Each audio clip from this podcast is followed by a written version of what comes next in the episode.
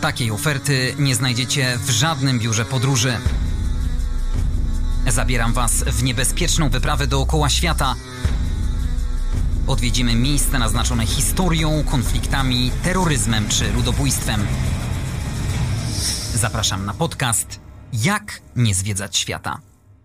Andrzej Gliniak, kłaniam się nisko. Pora na 48 odcinek, którego patronami są KANS, czyli Karkonoska Akademia Nauk Stosowanych w Jeleniej Górze, Pozbet, profesjonaliści z branży konstrukcji betonowych oraz Entrak, europejski lider wśród dostawców części do maszyn budowlanych.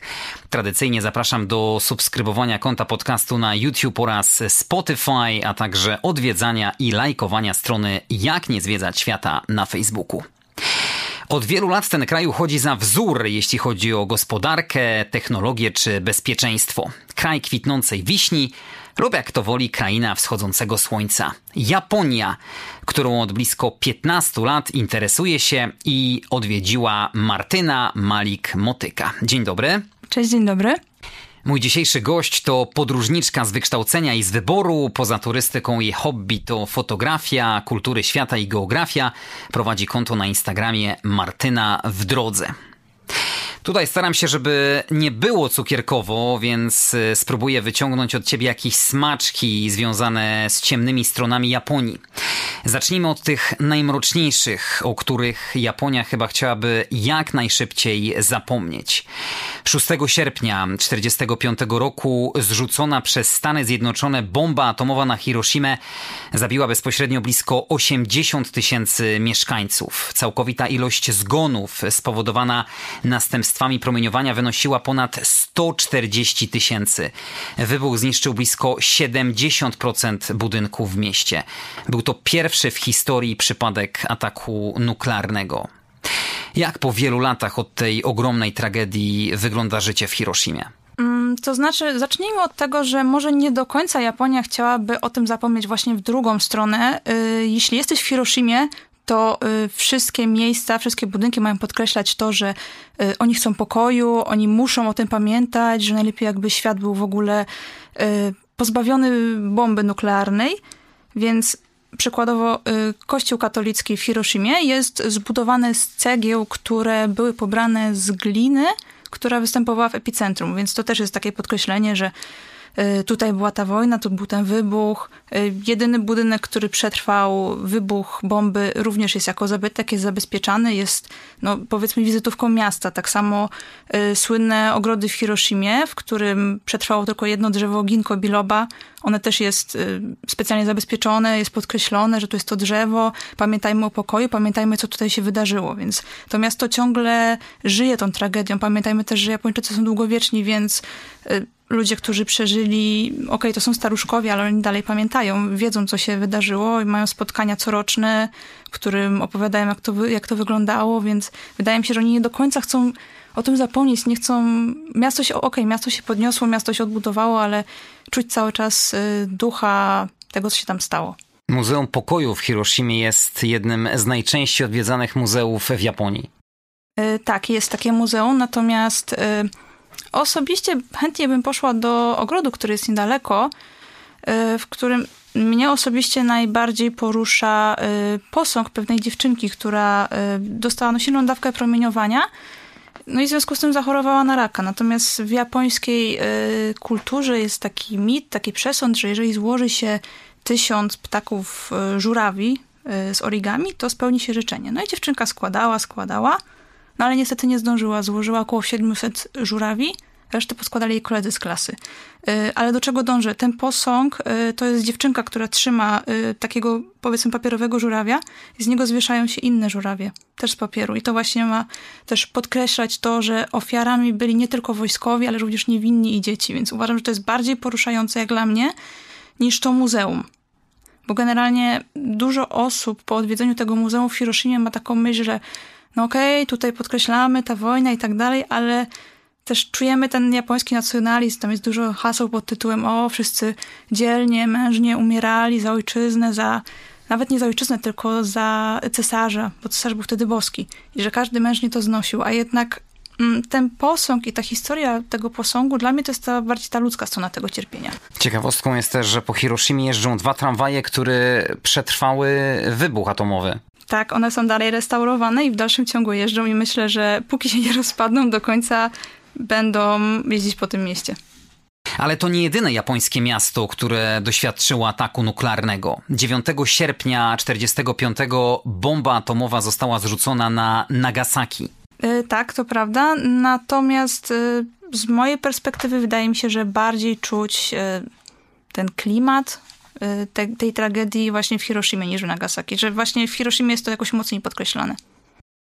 Jak oni po tylu latach odbierają Amerykanów? No właśnie Japończyk z definicji, może nie z definicji, no nie da odczuć, że kogoś nie lubi, czy czuje niechęć. Zawsze jest ta taka otoczka, że ty jesteś gościem, my cię ugościmy. Nieważne, czy jesteś Japończykiem, czy jesteś Chińczykiem, czy innym gadzinem, czyli osobą spoza, spoza powiedzmy narodu japońskiego, wielkiego narodu japońskiego, więc no, nie, nie czuć po prostu niechęci do żadnego narodu. Może mają, może nie, ciężko powiedzieć. Kilka chwil temu użyłaś słowa szowinizm w odniesieniu do Japończyków. Zdziwiłem się mocno, bo mieszkańcy tego kraju od zawsze kojarzyli mi się raczej z otwartością, tolerancją, niesamowitą grzecznością.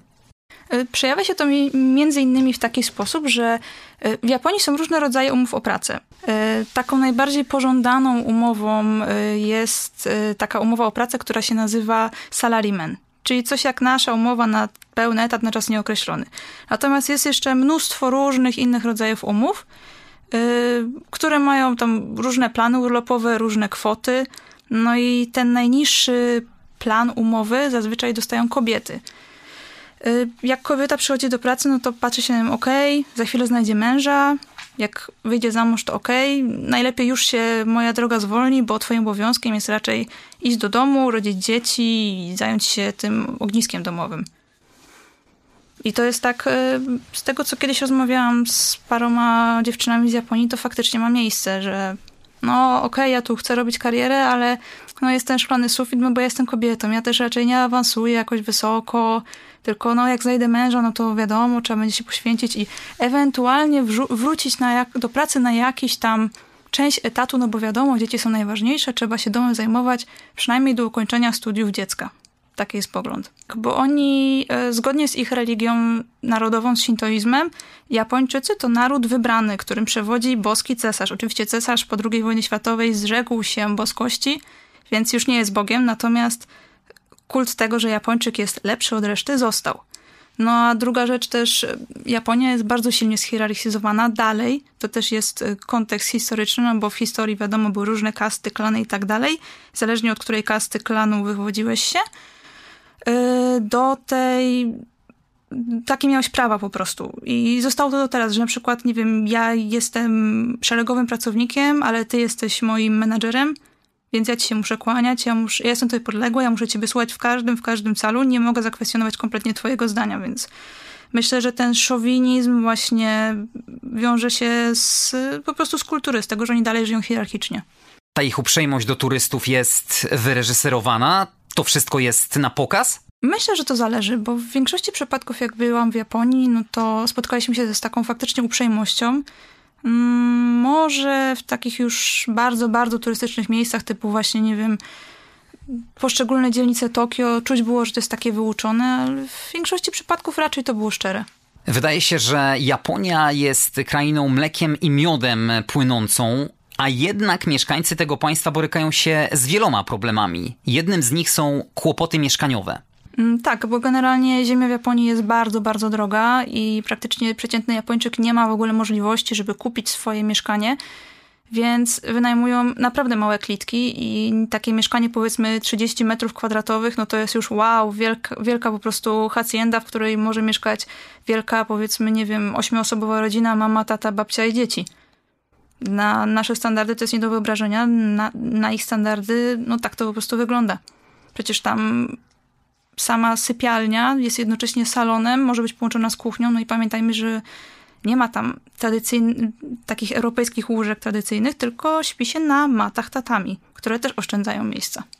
Poza tym tak naprawdę no, Japończyk nie może tak czy siak kupić sobie mieszkania, no bo ziemia należy prawnie do cesarza. Oni albo wynajmują mieszkania od y, państwowych przedsiębiorstw, albo po prostu dostają przydział, jeśli się nie mylę, na 99 lat, po czym te mieszkania wracają tak jakby do obiegu państwowego i mogą ewentualnie być przyznane następnej rodzinie.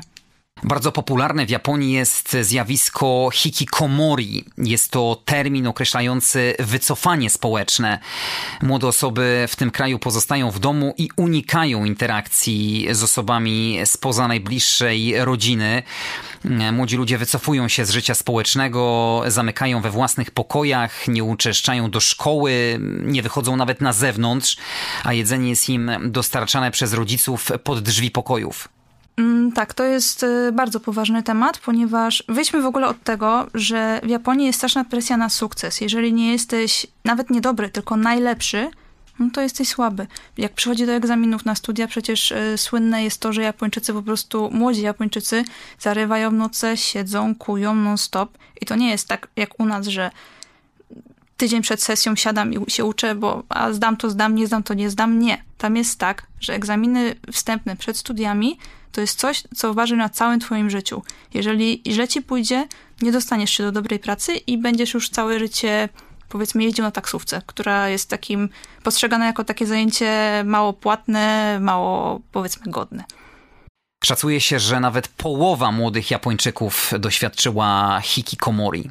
Tak, ponieważ właśnie ta presja wynikająca z między innymi z edukacji czy z wymagań w ogóle społeczeństwa tak wpływa na te młode osoby, że one czują, że nie są w stanie funkcjonować w społeczeństwie, więc uciekają właśnie y, w świat wirtualny, wolą siedzieć w swoim pokoju. Są przypadki osób, które na przykład nie wychodziły z pokoju powiedzmy od 10-15 lat, y, zamawiają jedzenie na dowóz, pracują jakoś zdalnie, studiują powiedzmy też zdalnie. No w covid to wiadomo, łatwiej było się tym zjawiskom nasilić i dlatego też stąd się wzięły te dotacje. Mhm. Mm. Natomiast no okej, okay, o ile jest młoda osoba, no to jeszcze w porządku, ale co jak ta osoba jest już starsza? Jeżeli potrzebuje pomocy, nikt nie wie. On cały czas jest zamknięty w tym pokoju. I bardzo często dochodzi do sytuacji, gdzie na przykład, o, kolega z gry mówi, o słuchaj, bo tego ziomka dawno nie widziałem online. Hmm, ciekawe, co się z nim stało. A okazuje się, że ta osoba po prostu nie żyje i nikt nie wie, że on leży w tym mieszkaniu martwy. Od dwóch tygodni, dwóch miesięcy. Zaczęliśmy tak mało pozytywnie, ale w Japonii tych pozytywów jest znacznie więcej. Od jakiego miejsca zaczęła się Twoja przygoda z krajem e, kwitnącej wiśni? Na początek na pewno stara stolica, czyli Kyoto. Ta tradycyjna Japonia. Tak, tradycyjna Japonia to jest Kyoto, przede wszystkim dzielnica Gion, w której możemy spotkać spacerujące maiko, czyli y, dziewczęta, które szkolą się na gejsze. Możemy też sami przebrać się w yukaty czy w kimona. Y, w Gionie można też spróbować różnych tradycyjnych potraw, jak na przykład japońskie słodycze, które co ciekawe są y, mniej słodkie niż europejskie odpowiedniki. Y, w Kyoto też oczywiście y, złoty, srebrny pawilon to są takie pocztówkowe y, obrazki z Japonii. Myślę, że jak wrzuci się hasło Japonia, to jest jeden z pierwszych zdjęć, jakie wypluwa Google Grafika. Mm, niedaleko od Kyoto jest też taka miejscowość Nara, która jest znana. Mm, no poza tym, że tam jest najwyższy drewniany budynek i najstarszy na świecie, znana jest też z jelonków. Te jelonki są oswojone można też za drobną opłatą kupić takie specjalne wafle i je karmić. Co ciekawe, y, gdy podchodzi się do takiego jelonka z y, tym wafelkiem, on się kłania, weźmie wafelka, schrupie i znowu się ukłoni w podzięce. To jest takie bardzo japońskie według mnie. Niedaleko od Kyoto i Nary leży Osaka. Tak, Osaka to jest e, takie miasto, pół historia, pół nowoczesność. Jeżeli zaplątamy się w tą starszą dzielnicę, no to dalej są drewniane budynki, tradycyjne domy, ludzie w kimonach i tak dalej. Natomiast jeżeli pójdziemy już w te dzielnice bardziej nowoczesne, no to widzimy te wszystkie neony, parki rozrywki. Notabene jest tam y, jeden z wielu parków rozrywki, y, który jest stylizowany na Disneyland, ale w tym konkretnym możemy na przykład pójść do Hogwartu. Co jeszcze? W Osaka i Hiroshima mają taki mały konflikt, powiedzmy, kulinarny, ponieważ istnieje taka potrawa, która się nazywa, nazywa się okonomiyaki. I są tak jakby dwa style przyrządzania tej potrawy. Jedna właśnie z Osaki, druga z Hiroshimy. Ta z Osaki polega na tym, że miesza się wszystkie składniki i zalewa jajkiem, smaży się na blaszce. Natomiast ta druga polega na tym, że przygotowuje się takie specjalne ciasto jajeczne. Najpierw się smaży te ciasto, potem przekłada jedną warstwą warzyw, mięsa czy wybranych dodatków, znowu jajko i znowu warstwa i znowu jajko. Konflikt bierze się stąd, że generalnie każdy region, każde miasto, ba, nawet czasami każda dzielnica Japonii ma swoją charakterystyczną potrawę, maskotkę, jakiś symbol, nawet kwiat. No i Osaka chciała mieć okonomiyaki jako swój symbol kulinarny, ale Hiroshima też. I robią to na dwa różne sposoby, a nazwa jest jedna, więc stąd jest ten konflikt. No to najwyższa pora odwiedzić Tokio, czyli stolicę Japonii. Y, jest na pewno bardzo szybka i co ciekawe, Tokio ma, ja tak zaobserwowałam, powiedzmy trzy poziomy życia. Pierwszy poziom to jest ten parter na zewnątrz, gdzie po prostu przewijają się masy ludzi, widać e, te szybkie pociągi, tych upychaczy i że to jest naprawdę takie bardzo, bardzo zatłoczone miasto. E, poziom podziemny, minus jeden, minus dwa, minus trzy nawet, na którym oprócz pociągów są jakieś sklepy, są mm, małe rzemiosła. Tam normalnie toczy się takie życie, powiedzmy, targowe. O. Y, potem są poziomy już biurowców, no to wiadomo, tam są biura, nie biura, hotele i takie rzeczy. Y, ale jeszcze są piwniczki. W niektórych dzielnicach, na przykład w Akihabarze, mm, jest pełno sklepów, w których kupisz każdą książkę, każdy komiks lub każdą płytę, która była wydana w Japonii. To jest też, y, Akihabara jest też bardzo popularną dzielnicą wśród właśnie fanów takiej nowoczesnej kultury japońskiej, typu właśnie manga, anime, wszelkie animacje, wszelkie y, rzeczy z elektroniką, z informatyką związane. Też tam można kupić po prostu wszystko, wszystko, co się tylko wymyśli, co było w Japonii. Mm, jest tam też bardzo dużo salonów, w którym możemy wypróbować y, VR, czyli wirtu wirtualną rzeczywistość, te okulary. To jest naprawdę bardzo, bardzo profesjonalnie zrobione. To, co spotkałam się w Europie, to to jest przy tym nic. Mm, faktycznie było na przykład czuć latający dywan. Było czuć, że ten dywan drży, wszystko było ruchome i momentami po prostu błędnik dostawał czegoś i miało się wrażenie, że się jest w tej grze, więc tutaj było czuć tą przewagę technologiczną Japonii. Takim bardzo charakterystycznym punktem y, Tokio jest y, Tokyo Tower. Ona jest y, biało-czerwona, trochę przypomina wieżę Eiffla, myślę, że jak się też rzuci w Google hasło Tokio, to jest jeden z takich pocztówkowych widoków Tokio. Mm, drugim takim istotnym punktem widokowym jest bardzo, bardzo wysoka wieża Tokyo Tower, z której przy dobrej widoczności możemy zobaczyć nawet oddaloną jakieś 100 km Fuji. Y, innym takim bardzo charakterystycznym punktem y, w samym Tokio jest dzielnica Shibuya, a właściwie to słynne skrzyżowanie, na którym podczas y, jednego przejścia może przejść kilkadziesiąt tysięcy osób. Dla mnie to jest niesamowita liczba i faktycznie czuć ten tłum. Generalnie pasy w Japonii też są inne niż w Europie, bo nie dość, że są tak na kwadrat jak u nas, to jeszcze idą przez środek, więc jak ten cały tłum rusza, to y, jeżeli nie wie się, jak się poruszać w Japonii, no to można czuć się porwanym przez tłum. A jak najlepiej poruszać się w Japonii? Trzymać się prawej strony, iść do przodu. Jeżeli zbaczamy w lewo, mamy pewność, że nas pociągnie do tyłu. Po prostu y, ruch prawostronny obowiązuje nie tylko na drodze jako samochód, ale też jako pieszy, bo generalnie wyobraźmy sobie miasto, które ma ileś milionów mieszkańców, które jest ściśnięte, więc tam nie może być przestoju. Wszyscy muszą iść w jednej linii, trzymać się porządku, trzymać się tej prawej strony, nie przeszkadzać, nie zagradzać. Jeżeli ktoś się spieszy, jedziemy schodami, ktoś się spieszy, idziemy maksymalnie do prawej strony, to ktoś może sobie spokojnie przebiec po schodach i nie tamujemy ruchu. Charakterystycznym miejscem w Tokio jest owiany złą sławą las samobójców. Las samobójców, tak. To jest las, który jest w granicach Tokio z pozoru wydaje się po prostu no, zwykłym, zielonym, gęstym lasem, w którym można miło się wybrać na spacer. Notabene dużo rodzin z dziećmi tam wybiera się na spacerki, ale jak się zboczy, no to raz, że można się zgubić, a dwa, można chcieć się zgubić, żeby nikt nas nie znalazł, żeby popełnić samobójstwo. Jest to naprawdę bardzo popularne, jakkolwiek to brzmi, miejsce do zakończenia swojego żywota w Japonii. Jeżeli zejdziesz ze szlaku i będziesz chodzić gęściej, to zauważysz też tabliczki e, z rządu japońskiego typu y, zawróć, twoje życie jest ważne, mamy numer pomocowy, zwróć się o pomoc do. Mm, no, często, gęsto niestety nie działają i naprawdę podobno trupa jest bardzo łatwo znaleźć. I po raz kolejny nawiązujemy do kwestii problemów emocjonalnych, nawet powiedziałbym egzystencjalnych Japończyków. Jest to też związane z innym zjawiskiem o nazwie karosi, czyli po prostu przepracowywanie się. Bo generalnie w tej kulturze masz się poświęcić dla pracy. W dobrym tonie zostawanie na nadgodzinach, często mało lub niepłatnych. W dobrym tonie jest zamiast wrócić do domu, to iść ze znajomymi do baru. Pamiętajmy, że w Japonii osoba, która nie pije, no to jest mało atrakcyjna. W dobrym tonie jest zostać do bladego świtu, pójść się przespać do hotelu kapsułowego, kupić sobie świeżą koszulę z automatu i rano po dwóch, trzech godzinach wrócić do pracy, znowu spędzić tam kilkanaście godzin i znowu po pracy iść do baru i powtórzyć schemat. No, presja jest duża, każdy musi pokazać, że pracuje, więc myślę, że po prostu no, psychika nie wytrzymuje. Powszechne w Japonii jest przekonanie, że jeśli można obejść się bez pracownika przez 10 dni, to jest on zbędny. Mm, tak, generalnie w Japonii nie bierze się urlopów, chyba że na poratowanie zdrowia.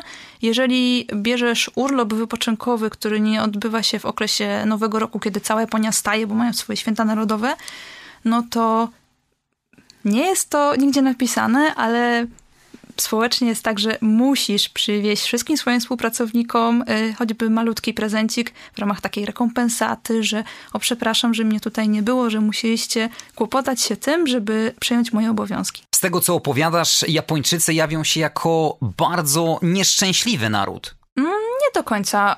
Y, uważam, że Japończycy naprawdę potrafią się bawić. Przede wszystkim spójrzmy na to, że mają bardzo dużo różnych festiwali, na których bawią się świetnie, z tego co widziałam. Mają bardzo szeroką gamę rozrywek, lubią wychodzić na miasto, lubią spędzać czas, co prawda, ze znajomymi z pracy, ale dalej ze znajomymi. Karaoke, wszelkie gry, wszelkie zabawy. Myślę, że są dosyć wesołym narodem, który jak każdy po prostu ma problemy, a że w Japonii dużo rzeczy lubi być przejaskrawionych, dużo rzeczy lubi być rozdmuchanych, urastać do rangi wielkiego narodowego problemu, no to dlatego jawi się taki obraz. A jak jawi nam się góra Fuji, która też jest y, ciekawą turystyczną atrakcją? Jeśli chodzi o górę Fuji, to Japończycy mają powiedzenie: ten, kto wejdzie raz na górę Fuji, jest geniuszem, ten, kto wejdzie drugi raz, jest głupcem. Y, ja byłam na Fuji praktycznie w ostatnie dni sezonu, kiedy szlaki są otwarte. Śmieszna historia, bo y, wchodząc na szlak, stoi sobie taki strażnik Parku Narodowego i jak widzi, że ktoś wygląda na takiego nieprzystosowanego do Fuji, no to go zatrzymuje, pyta się, czy w ogóle wiesz, gdzie idziesz, czy wiesz, co to jest za góra, czy jesteś niespełna rozumu. My byliśmy w sierpniu. Sierpień to jest jeden z najgorętszych miesięcy w Japonii, więc krótkie spodenki, krótkie koszulki, idziemy. W plecakach oczywiście bluzy i tak dalej. No, pan Japończyk długo, długo nie chciał nas puścić, tłumaczył, że czy wiemy, że tam jest choroba wysokościowa, czy mamy gdzie się zaklimatyzować. Tak, tak, mamy spokojnie. No i spędziliśmy noc y, w jednym takim punkcie. Mm, jak to się nazywa? Y, spędziliśmy noc w takim jednym punkcie obozowym. Myślę, no spokojnie, już się pewnie zaaklimatyzowałam, 7 godzin. Idziemy. Nie zaaklimatyzowałam się. Choroba wysokościowa dopada na około 2,5 tysiącach metrów. Nie dopadła na 2300. Na Fuji jest y, bardziej specyficzny klimat, bardziej czuć takie zjawiska. Wiatr, zimno, dopada dużo szybciej, kąsa dużo szybciej. Y, to mało interesujące, no widoki nie są spektakularne. To jest wygasły wulkan. Nie ma tam ani żadnej roślinności, ani jakichś specyficznych zwierząt tak naprawdę na szczycie jest tylko świątynia i nic poza tym. Góra Fuji ma 3776 metrów. E, tak, i myślę, że to jest e, powód, dla którego Japończycy postrzegają to jako swój taki japoński Mount Everest. Każdy Japończyk, który idzie, jest przystosowany, jakby szedł co najmniej na K2. Mają grube bluzy, specjalistyczny sprzęt, latarki, nawet takie specjalne kije pielgrzyma, które e, nacinają w takich specjalnych budkach z, checkpointem i kupują sobie takie znaczniki, że o, dotarłem już do powiedzmy trzeciego schroniska, czwartego schroniska, piątego schroniska, do szczytu, do świątyni. Więc dla nich to jest naprawdę takie wielkie wyzwanie kulturowe i psychofizyczne, myślę. Ale podobno mówi się, że po zdobyciu góry Fuji nie ma nic lepszego niż skoczenie do gorących źródeł w onsenie. Tak, tak. Japonia jest krajem bardzo aktywnym sejsmicznie. Co za tym idzie, mają mnogość gorących źródeł. Jakie tylko sobie nie wymyślisz, siarkowe, niesiarkowe. Niedaleko góry Fuji jest też bardzo dużo onsenów, wokół których y, gromadzą się japońskie małpki, więc wskoczyć do takiego onsenu i patrzeć, jak takie małpki sobie baraszkują na, na drzewach, albo jak podchodzą do ciebie do źródełka, no bardzo osobliwe uczucie.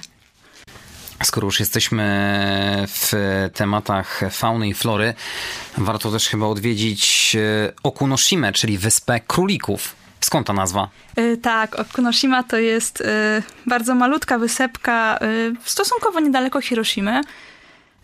Mówi się, że w latach II wojny światowej były tam przeprowadzane jakieś eksperymenty naukowe na tych królikach. Po II wojnie światowej oczywiście eksperyment umarł, króliki zostały. Teraz mieszka tam kilkaset królików, jest też hotel, można odwiedzać. Króliki są bardzo oswojone, bardzo chętnie przykicują, są bardzo przyjacielskie. Jak najlepiej przemieszczać się po Japonii? Z wysokiego standardu, a przede wszystkim punktualności słyną pociągi. Myślę, że dla turysty jak najbardziej to jest najlepszy sposób komunikacji. Y, tym bardziej, że jako turysta mamy możliwość zakupu takiego specjalnego biletu, który nazywa się JR Pass. On jest dosyć drogi, bo kosztuje od 200 euro za osobę. Zamawia się go przed przyjazdem do Japonii, ale zwraca się bardzo szybko.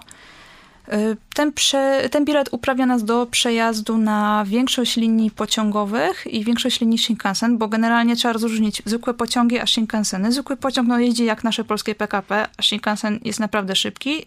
Y, jechałam nim kilka razy i za każdym razem byłam w szoku, do jakich prędkości można się rozpędzić i że tego nawet nie czuć w tym pociągu. Jakie to są prędkości? 200-300 mm, km na godzinę w parę sekund. Właśnie dlatego y, trasa z y, Osaki do Kyoto trwa kwadrans, bo to jest po prostu bardzo szybko kwestia rozpędzenia się pociągu. I jeszcze jak pociąg wjeżdża na stację, stoi tam taki elegancki pan z białą rękawiczką, stoi przy linii, wystawia rękę i jak podjeżdża pociąg, to ten pociąg musi stanąć równo z linią i równo z jego wyciągniętą ręką. Jeśli nie, pociąg się cofa, tracą się minuty, są opóźnienia. E, to jest też spowodowane tym, że jak wchodzi się do tego pociągu, to trzeba stanąć w kolejce, która jest równo w miejscu, w którym otwierają się te drzwi. No to jest dalej pokłosie tego, że wszystko musi być poukładane, bo tam są korki, tam jest ciasno. A w samych miastach e, czym najlepiej się poruszać? Tam jest metro? E, w samych miastach myślę, że najlepiej poruszać się autobusami. Metra jako tako nie uświadczyłam. No, wszędzie są pociągi, wszędzie są autobusy. Jeżeli chodzi o Kyoto, no to najwygodniej było autobusem. Jeżeli chodzi o Tokio, no to jednak te pociągi, bo nie stoi się mimo wszystko w korkach. A taksówki? Taksówki są bardzo, bardzo drogie. Okej, okay, są dostępne, ale myślę, że to nie jest e, na kieszeń takiego przeciętnego podróżnika. Ciekawy temat związany jest z noclegami dla turystów. Fajnym przeżyciem uważam jest hotel kapsułowy, bo y, dostajemy generalnie łóżko, i to wszystko. Y, które jest, no, pokój jest wielkości łóżka, zasuwamy sobie drzwi i to jest cały pokój, jaki dostaliśmy. Mm, jeżeli korzystamy z hoteli kapsułowych, bardzo często one są lokowane w miejscach, gdzie y, są jakieś gorące źródła. Bardzo częste jest to właśnie na przykład w Kyoto. Większość hoteli kapsułowych ma swój prywatny onsen, swoje prywatne źródło. Są też zwykłe hotele, ale te pokoje hotelowe nie są takie wielkie jak nasze europejskie. Liczyłabym tak powiedzmy połowę standardowego hotelu. Yy, mają też Japończycy tradycyjne hotele ryokany. Notabene najstarszy na świecie istniejący hotel znajduje się w Japonii. Jest to ryokan tradycyjny, zbudowany w całości z drewna hotel, w którym y, w pokojach nie ma łóżek, są tylko maty tatami, ewentualnie możemy sobie rozłożyć taki materac futon. Mm, na ten moment y, średni koszt noclegu na dwie doby w Tokio to jest około 500-600 zł. Japonia to rzeczywiście jeden z najdroższych krajów świata? Mm, to zależy. Zależy, co chcemy zobaczyć, czego chcemy doświadczyć. Bo jeżeli chcielibyśmy zaliczyć wszystkie możliwe zamki, wszystkie możliwe muzea i tak dalej, no to wiadomo, wydamy fortunę. Natomiast jeżeli nas interesują tylko takie, powiedzmy, najważniejsze punkty, typu właśnie zamek w Osace, czy coś w tym stylu, no to y, część z nich y, jest ze zniżką z powodu tego JR Passa. Jeżeli chodzi na przykład o stołowanie się, no to możemy zapłacić za posiłek w 7-Eleven, czyli takiej japońskiej żabce 100 jenów, czyli równowartość 100 zł, ale możemy też pójść do jakiejś wypasionej restauracji sushi i zapłacić ileś tysięcy za jeden kawałek ryby. No to teraz obalimy albo potwierdzimy mity o Japonii. To prawda, że Japończycy mają fioła na punkcie punktualności? Tak, tak, mają fioła na punkcie punktualności. E, jeżeli pociąg spóźniłby się powiedzmy 2-3 minuty w stosunku do rozkładu, no to już wcześniej konduktor chodzi, przeprasza wszystkich, kłania się każdemu wychodzącemu e, klientowi, a jeżeli opóźnienie jest dłuższe niż 5 minut, no to każdy jeszcze dostanie wcześniej przygotowane, podpisane przez konduktora przeprosiny oficjalne na papierze. A jeśli chodzi o japoński porządek, te miasta rzeczywiście są tak bardzo czyste? Tak, mm, z mojej obserwacji wynika, że one są naprawdę czyste, powiedziałabym wręcz, że wyczesane z brudu. Natomiast co jest ciekawe, nie uświadczy się nigdzie kosza na śmieci. Zauważyłam, że po prostu większość ludzi wchodzi do 7-Eleven, czyli znowu japońskiej żabki i wyrzuca z plecaków czy z toreb śmieci, które miało ze sobą do tych pojemników, które są w tych sklepach. Niedopuszczalne jest, żeby w Japonii wyrzucić papierek na chodnik, czy wyrzucić e, peta po papierosie, tak samo w złym tonie jest w ogóle jedzenie idąc ulicą. Nie, nie wyobrażam sobie Japończyka, który idzie i je sobie hot doga. Myślę, że zaraz by go społeczeństwo skrytykowało. Sprawą niemal honoru dla każdego Japończyka jest przestrzeganie zasad. Absolutnie. Japończycy są bardzo, bardzo pod linijkę. Jeżeli gdzieś czekamy, zawsze w kolejce. Nawet e, właśnie do pociągu stoimy w równym rządku, trzymamy się prawej strony jest czerwone światło, nie przechodzimy, jest zielone, przechodzimy i nie ma, że ktoś się spóźnił, ktoś nagle wbiegł. Trudno, musisz stać. Jeżeli potrąci cię auto, przebiegasz na czerwonym, to jest twoja wina, społeczeństwo cię nie oszczędzi. Mówimy o tej uprzejmości, kulturze Japończyków, ale nie istnieje zwyczaj ustępowania miejsca starszym ani ciężarnym. Absolutnie nie, y, ponieważ jeżeli ustępujesz komuś miejsca, to tak jakby dajesz mu znać, że on jest od ciebie słabszy i gorszy, a Japończyk y, w żadnym razie nie da sobie powiedzieć, nie, nie pokaże po sobie, że on jest czymś gorszym, że w czymś ci umniejsza. Ciekawą historię opowiedział mi kiedyś Łukasz Kadziewicz, były reprezentant Polski w siatkówce, który był z kadrą w Japonii. Tam między innymi zdobył srebrny medal Mistrzostw Świata. Popularny Kadziu powiedział mi, że raz e, siatkarze wybrali się całą drużyną na wycieczkę do centrum Tokio. Gotówki nie miał przy sobie inny z reprezentantów, e, Grzegorz Szymański, więc poszedł do bankomatu. Po chwili już e, cały zespół siedział w restauracji. No ale kiedy przyszło do płacenia rachunku, Szymański mocno się zdenerwował, po czym stwierdził, że zapomniał karty i pieniędzy z bankomatu. Mm, cała drużyna udała się czym prędzej do punktu, skąd y, Szymański wypłacał pieniądze. A na miejscu wszyscy otworzyli buzię ze zdumienia, bo na bankomacie leżały karta i wypłacone dolary przykryte kamyczkiem. Ba, jeżeli byś zapomniał portfela w restauracji albo czegokolwiek, możesz być praktycznie pewny, że jeżeli kelner to zauważy i powiąże cię z tą, powiąże cię z tą rzeczą, pobiegnie za tobą. I ci to odda, kłaniając się, dziękując, że odwiedziłeś, że raczyłeś przyjąć to, że on pobiegł za tobą i że ci pomógł. A to prawda, że w restauracjach jedzenie nakłada się samemu i zjada do samego końca, siorbiąc i mlaskając? Tak, i czasami nawet bekając. Dla mnie to był y, straszny szok kulturowy, gdzie po prostu przy stoliku obok siedział jakiś, widać było pan prezes z gromadą swoich podwładnych, którzy po prostu mlackali, siorbali, bekali i wydawali chyba wszelkie możliwe dźwięki, jakie człowiek potrafi wydawać przy jedzeniu. A skoro jesteśmy już w restauracji, to nie zostawia się napiwków. Absolutnie nie. Jeżeli zostawisz napiwek, to jest tak, jakbyś uważał, że jako praca jest, y, że praca kelnera jest y, mało ważna, mało płatna, więc y, potrzebuje Twojego wsparcia i pomocy, czyli że ten Japończyk jest od ciebie gorszy. Znalazłem gdzieś taką ciekawostkę, że dla Japończyków atrakcyjne są krzywe zęby. Absolutnie nie. To się wzięło z takiego bardzo starego artykułu, nie pamiętam już w jakiej gazecie. Mm, to były przekręcone słowa y, któregoś stylisty modowego to, z Tokio, y, który powiedział, że Dla Japończyków liczy się naturalne piękno, nawet jeżeli to oznacza krzywe zęby. Generalnie w Japonii bardzo źle postrzega się wszelkie operacje plastyczne, wszelkie ingerencje w swoje ciało.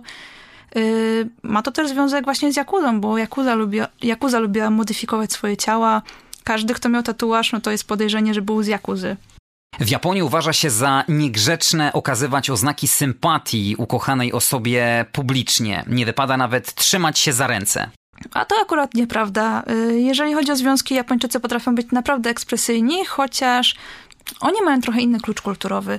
Y, nie obściskują się, czy nie całują się publicznie w taki sposób jak my, ale na przykład mm, trzymanie się za rękę to jest dla nich coś już bardzo osobistego. Po prostu oni na innej skali wyrażają te uczucia. Jeżeli chodzi o takie wczesne sympatie, to oni nie chodzą za rękę, tylko zaczepiają się moimi palcami u rąk. Automatyka, roboty i inne innowacyjne urządzenia. Japonia od zawsze słynęła z rozwoju technologicznego.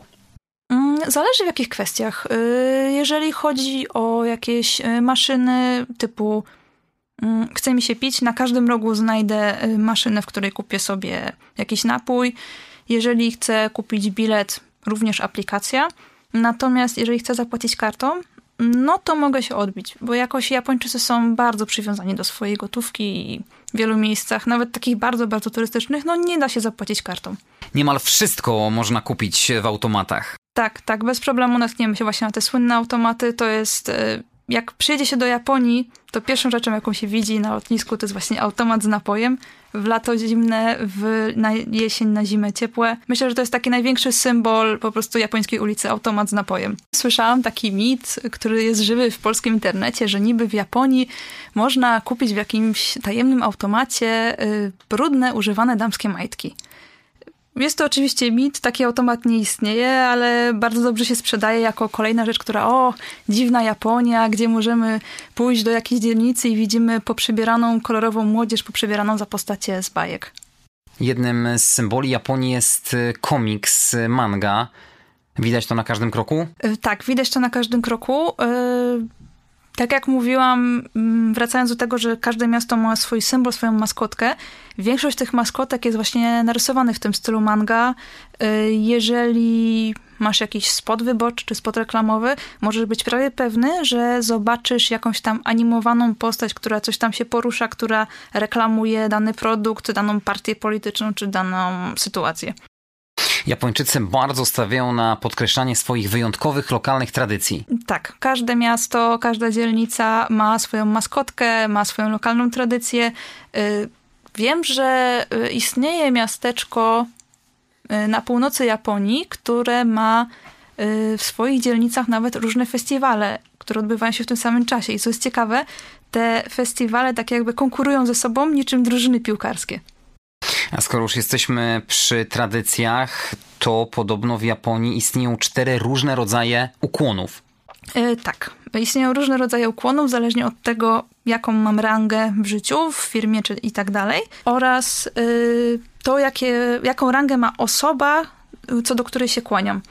Mm, najniższy stopień, taki leciutki ukłon, to jest właśnie do jakichś dzieci, do osób dużo niższych rangą, trochę głębszy to jest do równoważnych stanowisk, do jakiegoś kierownika to już jest bardzo głęboki ukłon.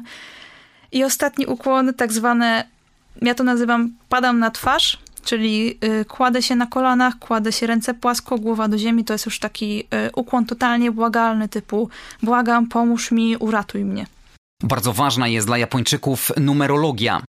Tak, najbardziej znanym przesądem jest e, liczba 4. E, dla Japończyka 4 si e, brzmi tak samo jak śmierć, czyli si. W hotelach na przykład nie ma czwartego piętra, w szpitalach na czwartym piętrze jest kostnica. Nie ma też w bloku czwartego piętra, po prostu jest pierwsze, drugie, trzecie, piąte, szóste. To jest liczba śmierci? Tak, bo brzmi tak samo jak śmierć. Mm, tak samo y, są lata, które są pechowe. Dla mężczyzny jest na przykład rok 33 jest pechowy, bo brzmi jak y, jestem słaby.